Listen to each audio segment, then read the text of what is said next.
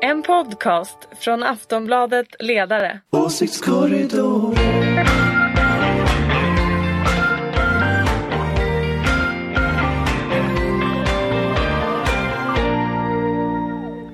Då så, då är ni välkomna till den andra åsiktskorridoren för hösten. Och det är ju suveränt. Vi har precis som vanligt Ulrika Schenström, moderat.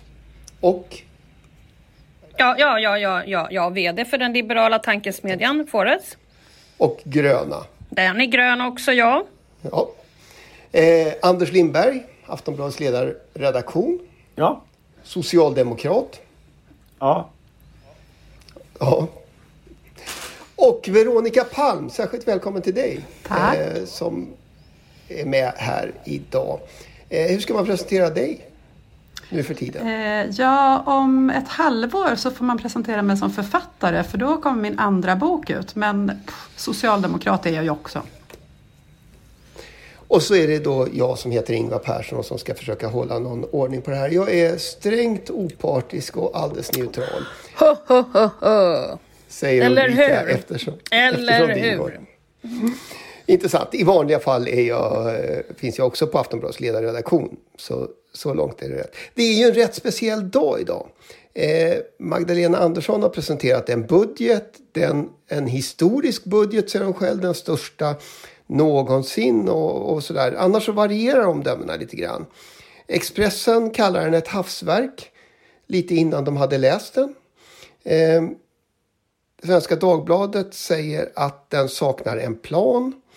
Eh, och så kan man gå vidare sådär. Oskar Sjöstedt säger, eh, från Sverigedemokraterna säger att det är ett sätt att hålla fyra eh, partier nöjda. Min fråga till er är väl närmast, vem är det som har vunnit? Ulrika?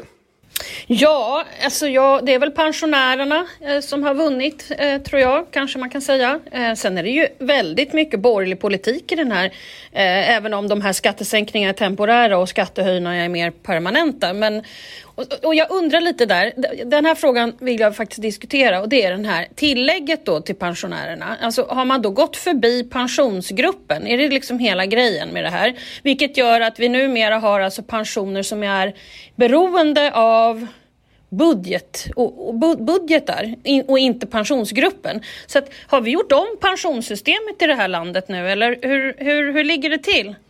Egentligen borde ju du svara på det Ingvar för du är ju så ja, väldigt insatt i arbetsmarknadsfrågor och Så väldigt gammal trodde jag du skulle säga. Nej, så oförskämd är faktiskt inte jag även om du... Faktum är, faktum är att de tog det här i pensionsgruppen i våras. Nej. Det, nej, nej, för då går det ju över budgeten. De var ju inte helt överens. Var de det? Alltså jag tycker att det här är rätt intressant. Jag tycker det är intressant oavsett eh, att de tog det i våras är ju att det man gör nu är att man låter pensionerna återigen bli en, en fråga för varje enskild budget. Eh, Exakt. Det är Tänk om vi det får en vara mycket kul, dålig men det är ju regering. problematiskt på ett och annat sätt. Eh, Det har ju inte funkat så bra tidigare. Men det var inte det, alltså, jag tycker heja, heja, heja pensionerna. Men det som jag reagerade på, alltså det är två saker. Det ena är, jag gissar att ni är likadana som jag, att vi eh, kopplar upp den där, laddar ner och så scrollar ni ner till tabellerna. Eh, och eh, även om den såklart inte är riktigt så bra som man önskar så är det ju en fördelningsprofil som, som ger mest till en tredje tiondelen av befolkningen och sen är det fallande skala neråt. Så det är ju ändå en vi skulle behöva en bättre fördelningsprofil om vi skulle inte bara behålla utan också öka eh, jämlikheten. Eh, inte bara behålla jämlikheten låter ju fel, men status quo utan också öka jämlikheten skulle fördelningsprofilen behöva vara bättre. Men den är inte riktigt lika illa som man kan få känslan av när man vid första anblicken ser att det är eh, Annie Lööf som presenterar de stora satsningarna. Alltså jag lutar nog åt att det faktiskt är Magdalena Andersson som är ganska mycket vinnare. Eh, jag trodde inte det innan. Om man tittar på de här eh, pressträffarna mellan, eh, som har varit. Eh, Annie Lööf var med och pratade med, med Stefan Löfven på någon pressträff. Och, och eh, de borgerliga partierna har gått ut väldigt hårt och sagt att precis det som Ulrika sa nu också. Att det är mycket borgerlig politik. Men tittar jag på helheten så är ju liksom tycker jag tyngdpunkten är. Det är välfärdssatsningar och, och det, det, finns ett antal saker jag tycker är riktigt bra. Som det här med a-kassan, att det förlängs en bättre a-kassa och sådär. Eh, pensionerna tycker jag också är riktigt bra. Både, både att pensionerna höjs och att pensionärsskatten eh, minskas och sådär. Så jag skulle nog säga att det, det, är nog mer socialdemokratisk politik än vad jag hade förväntat mig. Eh, Fast det är väl inte socialdemokratisk Eh, politik att låta pensionerna liksom avgöras efter budgeten? Det verkar ju inte klokt. Alltså allvarligt talat, jag tror det är farligt. På riktigt. Alltså jag tillhör ju de som ibland har funderat på om man inte skulle ta och riva upp hela den där pensionsgruppen. Eh, därför att pensionssystemet är underfinansierat. Så jag är inte lika ledsen som... Jag är inte ett dugg ledsen. Jag är inte ledsen alls. Jag är bara teknisk. Jag, jag, känner många som har, har varit med till och med bland annat och gjort det där pensionssystemet. De är oroliga så att, och då blir jag orolig om sådana människor blir men oroliga. Problemet så, med det, nu tror inte jag, det här är ju inte den stora frågan i dagens budget, men det är ju, problemet är ju precis det som Anders säger, att den är underfinansierad. Alltså det, det, är, det är världens bästa pensionssystem, men det är för lite pengar i det. Och då jo, men då måste man ju man omorganisera. Precis, ja. men då ska man ju lösa den riktiga frågan. Men 10 miljarder Anders, räcker det verkligen till kommunerna? Alltså lägger man ihop alla satsningarna så är det ju löpande räkning sedan i mars vi har också.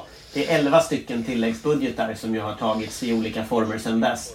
Eh, det är klart att det inte räcker. Det är väl helt uppenbart. Eh, jag tror ju att kommuner och regioner framöver kommer, inte minst därför att befolkningen blir äldre, kommer att kosta mycket mer. Men, mm. men om jag tittar på helheten, en, en satsning med expansiv finanspolitik på 100 miljarder, det har vi aldrig sett förut. Eh, och, och, det gör mig ändå lite glad. Eh, sen absolut, det, det, jag kan peka på saker jag inte tycker. Jag tycker inte den här ungdomssatsningen med arbetsgivaravgifter, den tycker jag är förfärligt konstig. Höjt tak i RUT tycker jag är förfärligt konstig. Jag tycker egentligen att även om försvaret har fått eh, lite mer pengar i den här budgeten så kommer det inte att räcka. Eh, inte det civila Förstås. försvaret heller. Men det hade nog alla förväntat sig att jag skulle tycka. Men om jag, tycker, om jag tittar på helheten. Och ett nytt jobbskatteavdrag till kanske inte är vad vi behöver riktigt. Men eh, nej. Men det finns, alltså en av de saker som gör mig, jag eh, är också mer nöjd än vad jag trodde jag var när de här förhandlingarna började och absolut mer nöjd än vad jag var den dag när eh, Liberalerna och Centerpartiet hade sin presskonferens. Men det finns, det är ju någonting i det här som är eh, problematiskt ur ett så här landet-utveckling och det är ju att jag, mö jag möter ganska ofta i valrörelser så möter jag människor som säger varför håller ni på och bråkar? Varför gör ni inte bara det bästa? Plocka det bästa av varje så blir det bra för alla. Och så är ju inte politik. Politik handlar ju om att välja inriktning och det är klart att när man väljer att göra, att lägga pengar som ju nära nog är att kasta pengar i sjön på den här sänkta arbetsgivaravgiften för unga. Det har ju bevisats, även om den är lite justerad nu. Eh, och sen också göra eh, förstärkningar i a-kassan, yrkesvux, fler studieplatser som ju är ett bra sätt att få människor att gå från arbetslöshet och vidare in till, till egen försörjning igen. Så är risken att de två tar ut varandra och det är ju problemet att det vi visar nu är ju att att vi, man, man, tar lite av varje, det blir en benägen att hålla med Svenska Dagbladet. Ta lite av varje, men det tar liksom inte de stora stegen framåt. Eh, och det, sen vet jag att eh, skälet till att vi gör det här är att hålla fascismen borta och det tycker jag är Exakt. bra.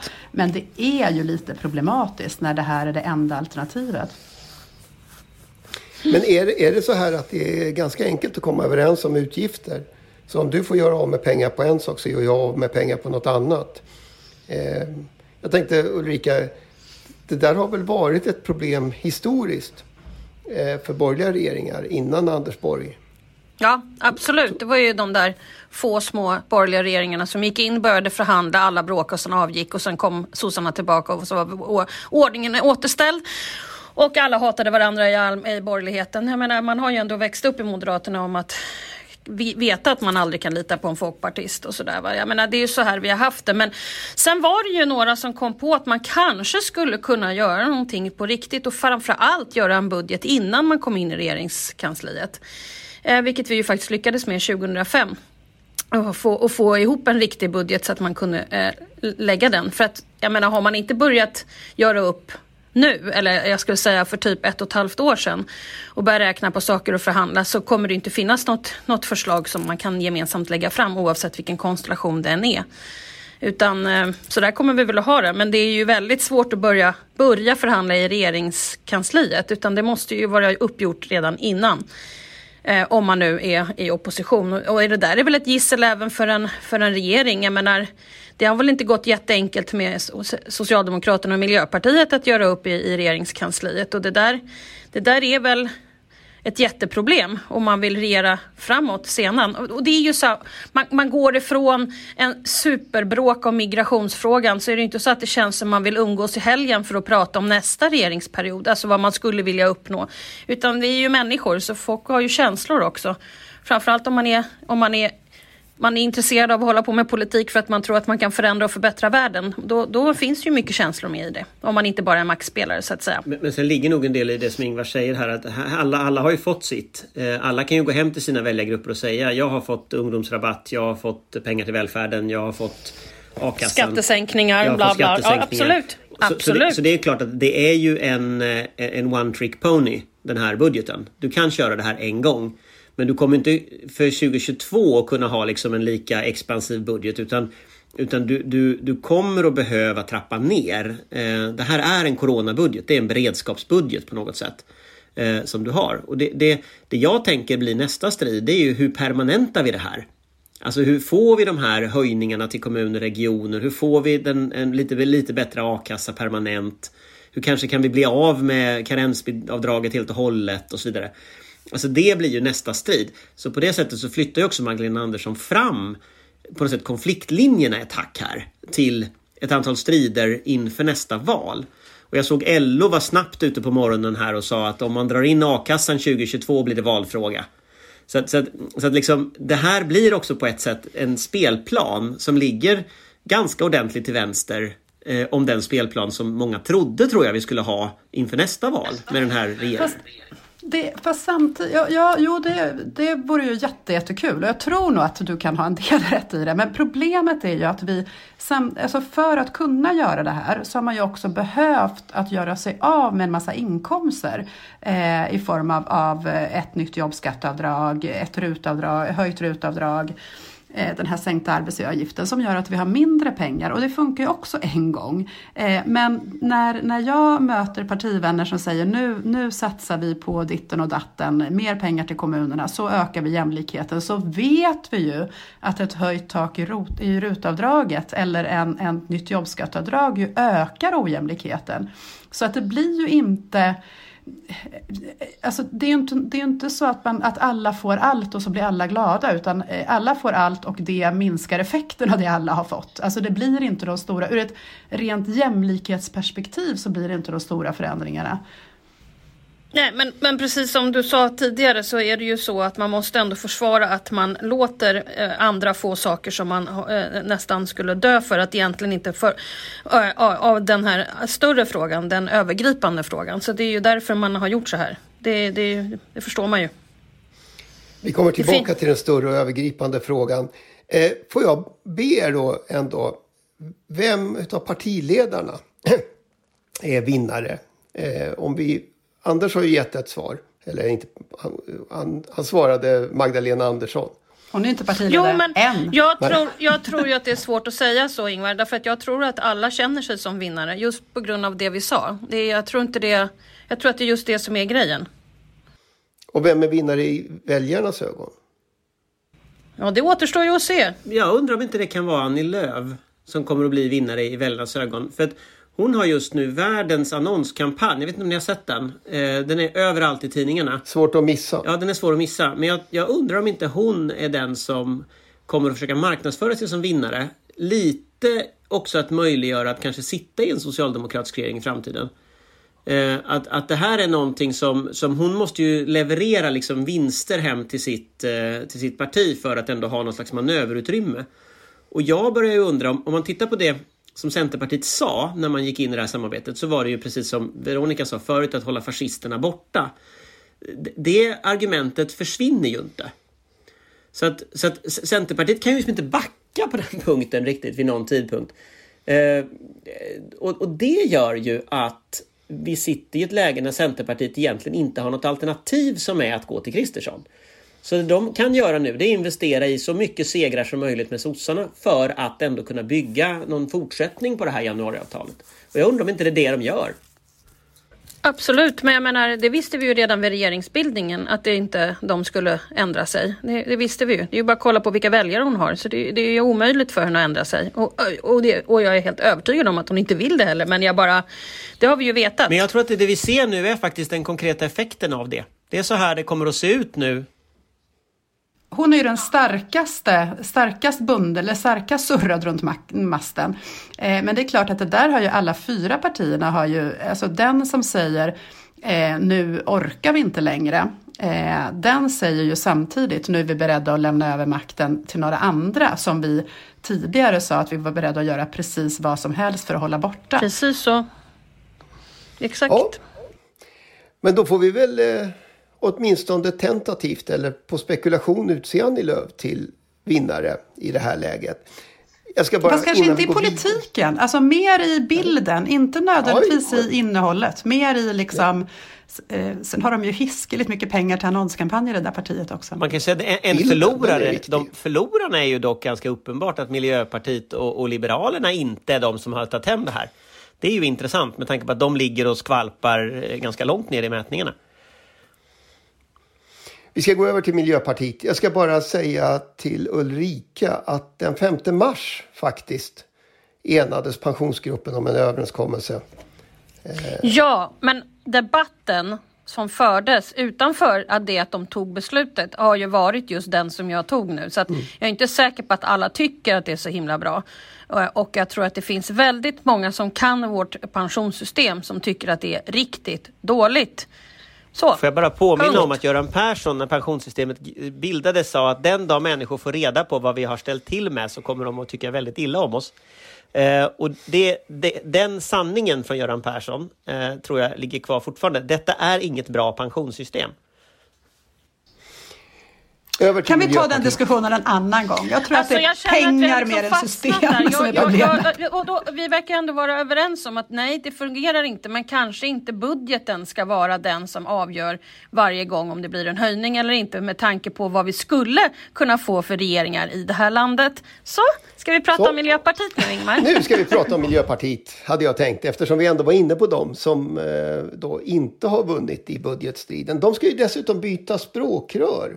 Och det finns många hugade spekulanter. Jag har bläddrat här. Eh, Märta Stenevi, Annika Hirvonen, eh, Janine Alm Eriksson, Rebecca LeMond.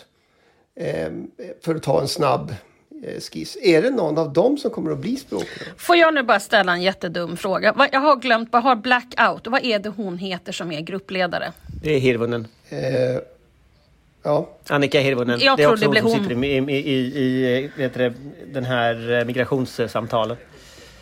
Jag tror att det är hon. Gud vilken kort diskussion det här blev. Fast jag tror inte det. Jag tror inte det. Jag tror att om man tar de där kandidaterna som du tog där så är det ju så att det är en sån fallande skala av radikalitet som finns. Eh, och och jag, jag tänker väl Alltså Miljöpartiet är ett väldigt konstigt parti eh, på många sätt eh, när man kommer från, när man har liksom sin bakgrund någon annanstans.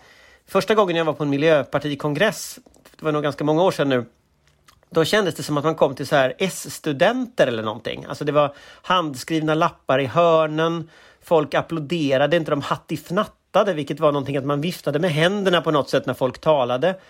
Eh, och det var ganska många människor som i talarstolen tror jag inte hade varit på i alla fall en moderatkongress eller en S-kongress. Liksom, de hade inte kommit dit.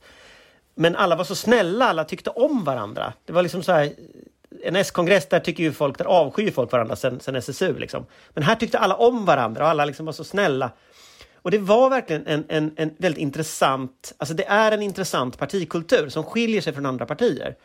Eh, jag tror dock att Miljöpartiet har blivit allt mer som de andra partierna. Jag skulle bli lite förvånad om inte ett statsråd blir språkrör. Och det är väl Carolina Skog ligger väl ganska bra till. Eh, och jag, jag, vet inte, Amanda Lind har ju sagt nej. Åsa, Åsa Lindhagen har ju varit aktuell. Åsa Lindhagen ligger ganska bra till. Amanda Lind säger, har ju sagt nej, men man vet ju inte riktigt.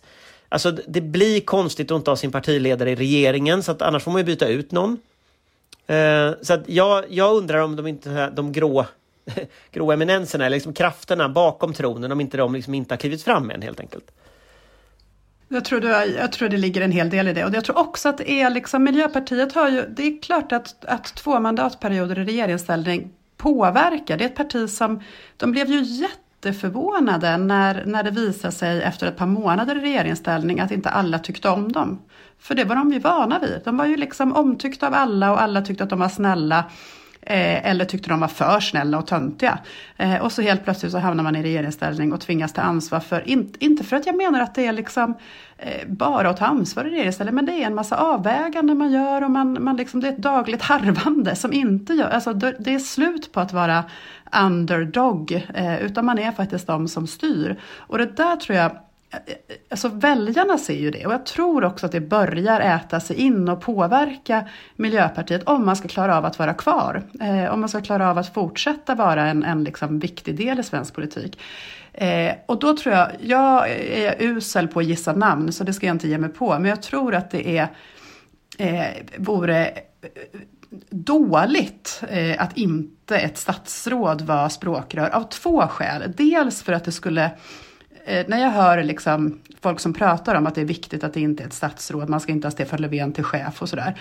Så, eh, så är ju det en gammal bild av Miljöpartiet. Alltså då skulle man ha någon som var aktivistledare. Det är helt otänkbart om man är ett regeringsparti. Då har man, då har man två språkrör som faktiskt förhandlar budget, som ingår i regeringen, antingen man sitter i regeringen eller inte gör, alltså man är en del av.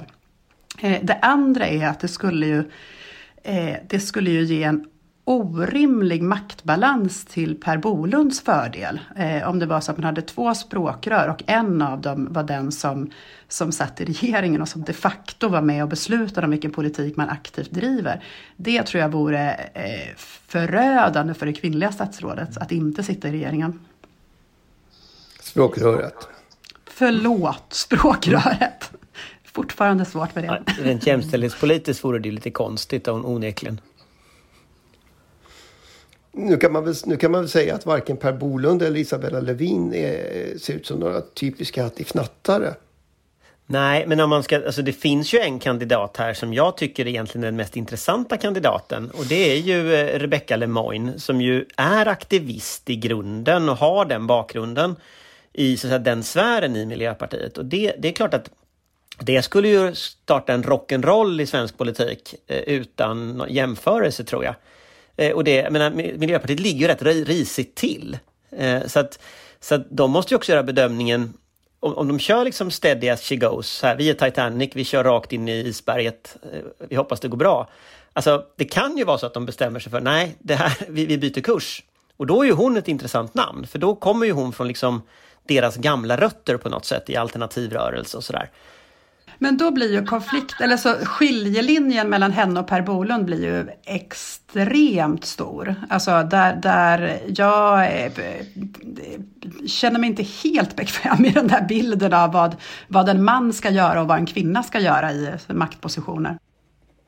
Ulrika? Men framförallt så måste det ju vara någon som kan förhandla och som kan, kan likt Peter Eriksson eh, liksom vrida om armen på både sitt parti och på andra som förhandlar. Så att de behöver nog kanske någon lite starkare person än de har haft tidigare. Så att säga. Inte för att jag har suttit i de där rummen, men de har ju inte direkt vunnit något. Nej men krasst, alltså de har ju inte det. Och de har svårt att förklara för sina väljare att det är ett kollektivt ansvar i en regering. Och de har väldigt svårt att förklara varför de inte får några vinster.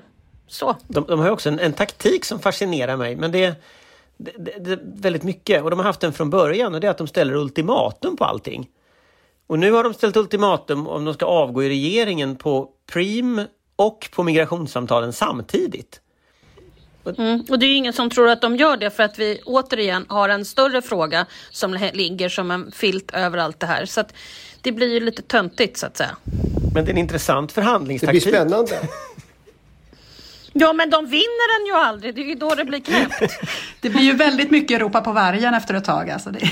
ja, det blir ju lite töntigt. Ja, vi, vi ställer ett ultimatum. Jag gör det. Hej då! Jag tror de skulle... Fast det där är ju inte, det är lite tillbaka till eh, studentpolitiken. Det är ju klart att det är en, en liksom, man, man, eh, man kan ju också se det som eh, vi siktar mot månen och når trädtopparna. Jag tycker inte att det är en helt optimal eh, förhandlingstaktik, men det är möjligt att det är så det syns. Men, men jag menar, det skulle vara säkert, det kanske skulle vara mer effektivt om de hotade med att sitta kvar. Ja men alltså man ser ju att de inte har Ulrika. några vinster så det blir ju liksom bara sådär jaha. Oj. Ja.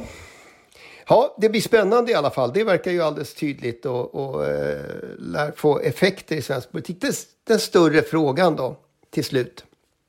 Eh, I förra veckan så hade ju Aktuellt besök av Jimmy Åkesson och Nike Nylander eh, gjorde en intervju som, eh, som jag tycker var rätt snäll på det hela taget. Eh, hon ställde några frågor om regeringssamverkan och ställde några frågor om integration eller eh, migrationspolitiken. Och sen frågade hon eh, en del om eh, de här återkommande skandalerna i Sverigedemokraterna och om eh, Jimmy Åkessons hälsa eftersom han har varit i riksdagen och eh, hostat. Eh, så var det väl ungefär den, den, där intervjun uppskattades ju inte av Åkessons anhängare och av allt att döma inte så mycket av Åkesson hell, själv heller. Eh, och då blev ju Nike Nylander utsatt för eh, rätt förfärliga hot efteråt. Eh, kommer SVT att liksom sätta ner foten nu och säga att så här kan vi faktiskt inte ha det? Ja, alltså, jag har inte jättestora hopp när det gäller SVT och deras... Eh, de har ju inte något bra record när det gäller att liksom vara tydliga mot Sverigedemokraterna, snarare tvärtom. Eh, men att ens, ens medarbetare blir mordhotade borde ju göra att man reagerar. Och det värsta är att de säkert vill ha det så också. Alltså jag menar, alltså de som har hållit på vill ju att etablissemanget ska bli uppretat, bli förbannade och så sitter deras väljare som är emot etablissemanget och tänker, ja titta hur de är. Vi får inte vara med riktigt, utan hela samhället är inte samlat. Vi är en grupp utanför. Men det är helt, helt, helt vedervärdigt. Men det, där, det intressanta är också att det där händer ju bara när man debatterar SD. Man kan, ju, man kan ju debattera Centerpartiet tills man blir grön i ansiktet, men man blir liksom inte mordhotad för det. Men, men när, man ska, när man ska diskutera SD, då, då, då, slutar det ju någonstans där väldigt ofta, både när man skriver och när man är med i media och sådär. Så att, ja, ja, jag menar, det här är något SD har satt i system. Eh, de, de säger liksom att, att det är deras svans och sådär, men om man läser Jimmy Åkesson när han skulle kommentera detta efteråt, då har han liksom delat upp kommentaren i två tweets. Där första tweeten så förstår han att alla är arga på SVT, så här blink blink. Och sen i nästa tweet så fördömer han det. Och, och liksom, det är så utstuderat att man, ja, liksom, utstuderat. Man, man, blinkar till liksom sina väljare. Att, att eh, det är klart ni ska vara arga på SVT liksom. Uh, så, så, jag vet inte riktigt, det, det känns liksom inte ärligt att man, man, man gör det hela tiden och det händer varje gång. Hade, SVT, eh, hade SD varit ärliga med att de tyckte illa om detta, då hade de gjort något åt det vid det här laget. Men det är, och det är ju deras livskraft på något vis. Det är ju, eh, jag fick ett mejl häromdagen med någon som eh, kände sig nödgad att skriva till mig och berätta att det är eh, 800 dödsskjutningar begångna av invandrare det senaste året i Sverige. Det är klart att det inte är sant. Alltså det är ungefär 100 som dör varje år, inte alla blir skjutna. 20 av dem är kvinnor som misshandlas av sina män eller exmän. Eh, det, men, men, det där att hela tiden föda en sån, jag tror inte att den här tanten, för det var en tant, hade hittat på det där själv. Utan det finns ju en, liksom, det föds ju någonting som är helt, alltså som står helt utanför någon form av liksom, rimlighet. Och då blir ju SVT eller liksom mainstream media, eller vad man ska kalla det för, blir ju motståndare eftersom de inte talar om att det är 800 invandrare som skjuter ihjäl svenskar varje år. Nej, och det, det som är, det, Är det så här vi ska ha det? Nej, men det som är dilemma tror jag här, det är ju just att, att, att det, alltså det är satt i system att sprida den här typen av kultur där man hotar och hatar och så. Och Det är också så att det finns ett antal Facebookgrupper. De där växlar ju lite fram och tillbaka. Dagens Nyheter undersökte ju idag vilka stora sådana Facebookgrupper och så där som finns. Och de växlar ju. Men det finns liksom sajter, det finns Facebookgrupper, det finns organiserat. Och jag märker ju i min mail när någon har skrivit i någon av de där grupperna. För då kommer en massa likalydande mail, det kommer massa kommentarer på Twitter och då vet jag ju att ja, då har någon gjort det. Någon driver ju de där. Det här händer ju inte som en slump. Och där, Nej. där tänker jag att SVT kanske borde fundera lite och ha en policy, liksom, hur ska man hantera det här? För det, det, alternativet kan ju inte vara att man slutar ställa frågor till Åkesson. Men det är väl det SD-svansen vill? Ja, framför allt så vill de få upp hatet mot etablissemanget så mycket som möjligt. Om man vill då, för, för, för att liksom avsluta den här diskussionen med att göra någon liksom SVT-reklam ändå så vill jag rekommendera att se den här Konspirationernas Förenta Stater som, ju, som, de, som går just nu på SVT som är en dokumentär som beskriver eh, det som händer i USA med samma sak. Det är verkligen både det organiserade som Anders säger men också den här helt vansinniga lögnerna som sen eh, Donald Trump tar upp direkt liksom, och sprider vidare och sen kan välja att dämpa, välja att ställa sig vid sidan av men aldrig tar ställning emot. Eh, något gott om precis- SVT. Och det är precis det där som det handlar om. Hotet mot en eh, liksom, världsordning som vi har känt till sedan andra världskriget. Det är det allt det här handlar om. Som ändå är någonstans så här, det är klart, alltså, är så här, om jag får en, jag var också i, alltså jag har haft en sån period av, av eh, mycket mejl. Eh, och så var det någon som beskrev så här, hur många våldtäkter invandrare begår per år. Och så börjar jag så här, det kan ju inte vara så att de hittar på, tänker jag. Det kan ju inte, alltså folk ljuger väl ändå inte, så tänker man ju. Så börjar, hur har de lagt ihop det här? Hur har de räknat? Hur har de, och jag verkligen gick igenom allt så här brottsstatistik och lyckades. Så inser jag att nej, de har inte räknat. De ljuger. Eh, och det räcker för att det skapar ett spinn. Liksom. Ja, det är ingen vacker bild eh, av framtidens politik. Eh, Det är svårt men, att göra något ehm, åt. Alltså det är väldigt svårt för alla redaktioner också. Hur ska man hantera det här? För det är ju ett arbetsmiljöproblem för journalister idag och för politiker idag i den högre skolan. Men det är också svårt att hantera. Alltså vad, vad gör man? Eh, och det, ja, det är väldigt svårt. Men enda sättet att göra det är väl att fortsätta granska och fortsätta fråga och liksom inte, inte backa liksom. Nej, för alternativet ur ett rent arbetsmiljöperspektiv är ju självcensur. Eh, och det, då, har, då har de ju vunnit. Eh, Ja, och det är inte meningen. Ja, det här Eh, blev ju väl- deppigt. Ja. Mm. Därför får vi prata om det här. halvtimme har gått. Därför Va? får vi prata om det här så vi inte censurerar oss. Nej, Det är inte vår, Det är vi, vi, vi är inte så självcensurbenägna tror jag. Nej, jag tror inte det. Våran halvtimme har gått och eh, politiken fortsätter ju så åsiktskorridoren kommer att vara tillbaka eh, nästa vecka. Eh, får vi utgå från. Eh, och då har vi ju ännu mer kommentarer, ännu mer effekter och så får vi väl se om pensionssystemet fortfarande håller då i alla fall. Eh, Ulrika, tack så mycket. Veronica, tack så mycket. Och Anders, tack då. så mycket. Vi eh, hörs och ses. Hej hej! hej då! Hallå, hej då, Hej då. trevlig vecka! En podcast från Aftonbladet Ledare. Åsiktskorridoren